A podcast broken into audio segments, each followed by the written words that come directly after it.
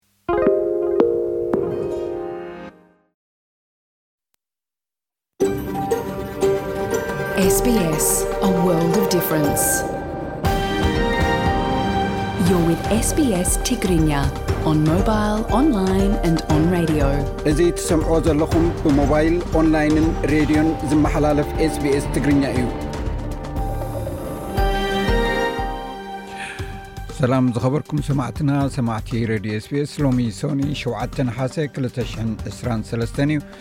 ንሓደ ሰዓት ፀንሕ መደብና ምሳና ክተምስዩ ዝዕድመኩም ኣዳላዊ ዝመደብ ቤነ ሰመረ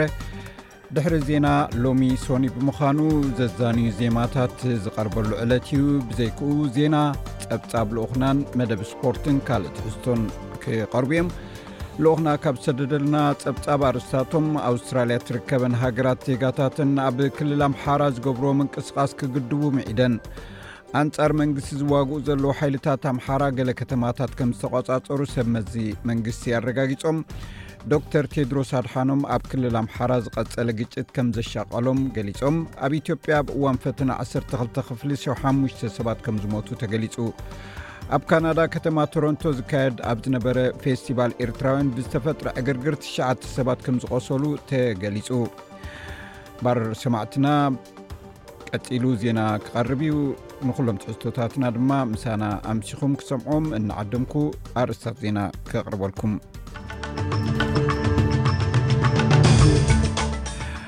ኣብ ደሴት ራስል ኩንስላንድ ብዘጋጠመ ባርዕ ሓሙሽተ ቆልዑን ኣቦኦምን ተቐቲሎም ሓለዋ ገማግም ባሕሪ ኢጣልያ ካብ ደቡባዊ ደሴት ላምፐዱዛ ክልተ ሬሳታት ከም ዘውፀን 57 ሰባት ከም ዘድሓነን ገሊጹ ኣውስትራልያ ትርከበን ሃገራት ዜጋታትን ካብ ክልል ኣምሓራ ዝገብርዎ ምንቅስቓስ ክግድቡ ምዒደን እዚ ሬድዮ ስፔስ ብቋንቋ ትግርኛ ዝፍኖ መደብ እዩ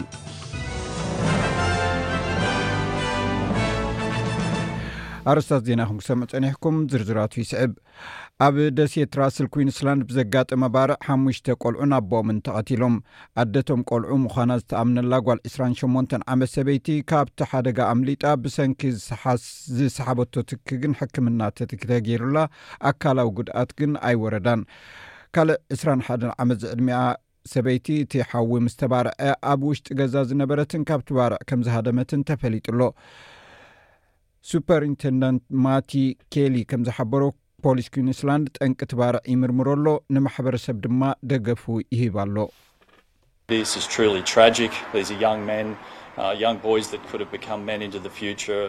እዚ ብሓቂ ዘሕጽን ፍጻሜ እዩ። እዚኣቶም ኣብ መጻኢ ሰብኡት ክኾኑ ዝኽእሉ መንእሰያት እዮም ሞይቶም። እቲ ሰብኣይ እውን ህይወቱ ስኢኑ ኣሎ። ኣብ ደሴት ራስል ንዝነብሩ ማሕበረሰብ ኣዝዩ ዘሕዝን ፍጻሜ እዩ። ናይ ህጹጽ ጸገም ዝወሃብ ኣገልግሎት ድማ ይቐርብ ኣሎ። ኣብ ደቡባዊ ፓኪስታን ሓንቲ ናይ ገያሾ ባቡር ሓዲድ ስሒታ ብውሕዱ ሰላሳ ሰባት ከም ዝሞቱን ሰማንያ ከም ተጎድኡን ማዕከናት ዜናታ ሃገር ገሊጸን። ኣብ ደቡባዊ ኣውራጃ ስንድህ ካብ እትርከብ ከተማ ካሪች 275 ኪሎ ሜትር ርሒቓ ኣብ ዘሎ ቦታ ዓሰርተ ባጎኒታት ዝኸውን ካብ ሓዲዱ ስሒቱ እዩ እቲ ሓደጋ ተፈጺሙ። ኣብ ቪክቶርያ ብማሽሩም ተሰሚሞም ክኾኑ ዝኽእሉ ሰለስተ ሰባት ድሕሪ ምሟቶም ፖሊስ ነቲ ጉዳይ ይምርምሮ ኣሎ ክልተ ኣንስቲ ማለት ዕድሚኤን ሰብዓን ሱሳን ሽዱሽተን ብዓርቢ ዓርባዕተ ነሓሰ ኣብ ሆስፒታል ክሞታ ከለዋ ወዲ ሰብዓ ዓመት ሰብኣይ ከኣ ቀዳም ምሸት ብሓሙሽተ ነሓሰ ኣብ ሆስፒታል ሞይቱ ወዲ ሱሳን ሸሞንተን ዓመት ካልእ ሰብኣይ ከኣ ኣብ ኣዝዩ ጽንኩር ኩነታት ኣብ ሆስፒታል ከም ዝርከብ ተፈሊጡ ኣሎ መንግስቲ ኒው ሳውዝ ዌልስ ኣብ መላእ ኒው ሳውዝ ዌልስ ካብ ዘቤታዊ ስን ስድራ ቤታውን ዓመፃት ንዝሃደማ ደቂ ኣንስትዮን ህፃናትን መንበሪ ዝኸውን ሓሙሽተ ነጥቢ ሸሞንተ ሚልዮን ዶላር ሰሊዑ ይሰርሕ ኣሎ እቲ ምወላ ናብ ምዕባለ ናይ ዓሰርተ ሓደ ዩኒታት ብምህናፅ ነቶም ካብ ዘቤታዊ መጥቃዕቲ ዝሃድሙ ዝድግፍ ህንጻ እዩ ክኸውን። ሓለዋ ገማግም ባሕሪ ኢጣልያ ካብ ደቡባዊት ደሴት ላምፐዱዛ ክልተ ሬሳታት ከም ዘውጽአን ሓምሳን ሸውዓተን ሰባት ከም ዘድሓነን ገሊጹ። እዚ ዝመጸ ክልተ ጀላቡ ድሕሪ ምጥሓለን ልዕሊ ሰላሳ ዝኾኑ ሰባት ምስ ጠፍኡ እዮም። ኣብ ቱኒዝያ ካብ ወደብ ስፋክስ ዝወጽኣ ክልተ ናይ ስደተኛታት ፃዕና ጀላቡ ብቀዳም ሓሙሽተ ነሓሰ ናብ ኣውሮጳ ክጓዓዛ ከለዋ ከም ዝጠሓላ ማዕከናት ዜና እታ ሃገር ሓቢረን ኣብ ውሽጢ ሒደት መዓልትታት ልዕሊ ክልተ ሽሕ ሰባት ናብ ላምፔዱዛ ድሕሪ ምእታዎም ብርቱዕ ንፋስ ነቲ ኣብቲ ከባቢ እታ ደሴት ዘሎ ኩነታት መሊሱ ከም ዝሓላልኾ ይግለጽ ብመሰረት ሓይሊ ኣየር ኪየቭ ሩስያ ኣብ ልዕሊ ዩክሬን ሰብዓ መጥቃዕትታት ናይ ኣየር መጥቃዕቲ ከፊታ ኣብቲ መጥቃዕቲ ዝተሳተፋ ኪርዩስ ሃይፐርሶኒክ ሚሳይላትን ኣብ ኢራን ዝተሰርሐ ድሮንን ዘጠቓለለ እዩ እቲ ሓይሊ ኣየር ናይ ዩክሬን መከላኸሊ ኣየር ካብ ኣርበዓ ናይ ክሪዝ ሚሳይል ሰላሳ ከም ዘዕነወን 27 ናይ ሻሃ ድሮን ሩስያ ኣብ ሓደ ለይቲ ከም ዝወንጨፈን ሓቢሩ ኣሎ ብዘይካዚ ሩስያ ሰለስተ ክሩዝ ሃይፐርሶኒክ ሚሳይላት ከም ዝወንጨፈት እውን ገሊፃ ኣላ ርእሰ ሊቃነ ጳጳሳት ፍራንሲስ ነቲ ኣብ ፖርቹጋል ኣብ ፌስቲቫል ዓለም ለኻዊ መዓልቲ መንእሰያት ዝገበርዎ ፃንሒት ዛዚሞም እቲ ፈስቲቫል ኣብ 227 ኣብ ርእሰ ከተማ ደቡብ ኮርያ ዝኾነት ሶል ከም ዝግበር እውን ኣፍሊጦም ርእሰ ሊቃነ ጳጳሳት ፍራንሲስ ኣብ 214 ናብ ደቡብ ኮርያ ኣብ ዝበፅሕሉ እዋን ኣብ ውሽጢ 15 ዓመታት ናይ ሮማ ጳጳስ ናብ ኤሽያ ንመጀመርያ ግዜ ዝተጓዕዘሉ እዋን እዩ ነይሩ እታ ሃገር ሓንቲ ካብተን ኣብ ኤሽያ ዘለዋ ሒደት ቀንዲ ናይ ሮማ ካቶሊክ ዝስዕባ ህዝቢ ዘለዋ እያ ካብቶም 52 ሚልዮን ዝኾኑ ህዝቢ ደቡብ ኮርያ 11 ሚታዊ ዝኸውን ሰዓብቲ እምነት ካቶሊክ እዮም እቶም ጳጳስ ምልክት ኣብ ዘስምዑሉ ቾንግጃን ዝስሙ ወዲ 33 ዓመት ደቡብ ኮርያዊ እተሓዋወሰ ስምዒት ከም ዝተሰምዖ ገሊጹ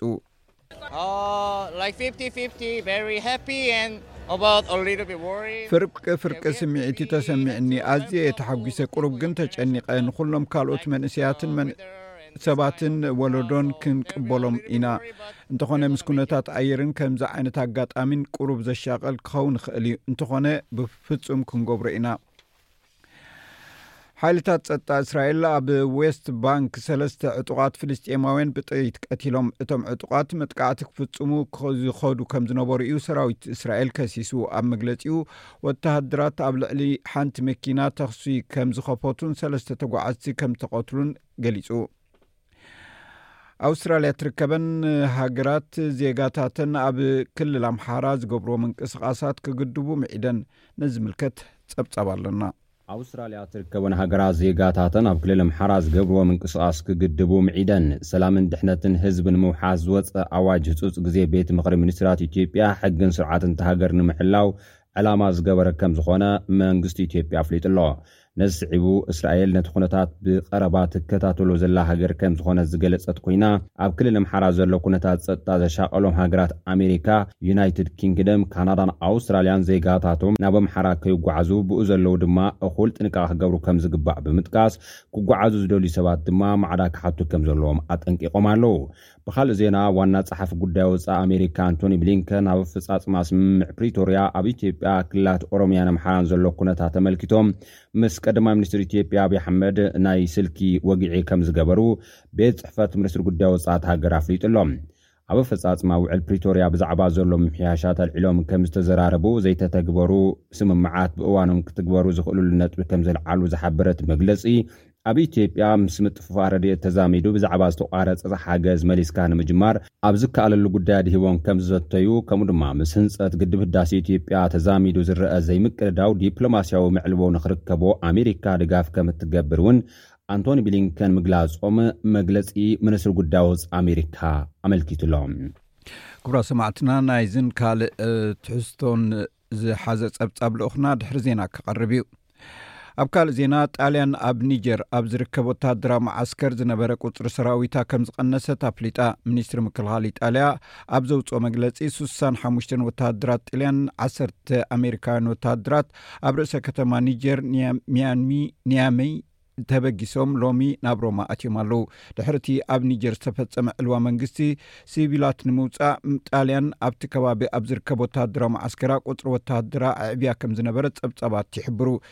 እቲ ብማሕበረሰብ ቁጠባ ምዕራብ ኣፍሪቃ ዝተዋህበ ናይ መወዳእታ ግዜ ገደብ ወተሃደራዊ ዕልዋ መንግስቲ ኒጀር ሎሚ ከም ዝተዛዘመ ኣሶሸይትድ ፕሬስ ሓቢሩ ኣሎ። ናይ ባርቢ ፊልም ኣብ ዓለማዊ መሸጣ ትኬት ናይ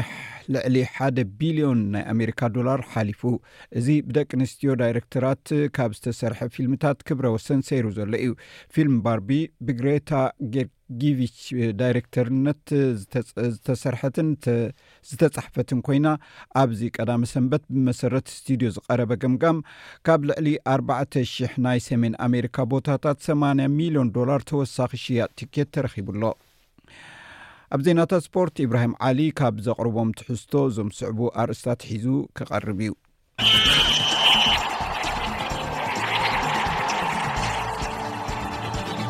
ኣብ ግጥማት ኩዕሶ እግሪ ሴካፋ ትሕቲ 18 መንስያት ደቂ ኣንስትዮ ታንዛንያ ሻምፒዮን ብምዃን ክዕወታ እንከልዋ ኢትዮጵያ ሳልሰይቲ ወፅን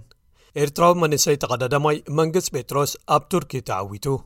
ቢንያም ግርማይ ዝርከቦም ኣርባዕተ ዝለዓሉ ተቐዳድምቲ ኤርትራ ኣብ ሻምፒዮን ቅድዲ ምሽክለቲ ዓለም ኣብ ስኮትላንድ ከይሳተፉ ብመንግስቲ ዓባይ ብሪጣንያ ቪዛ ተኸልዮም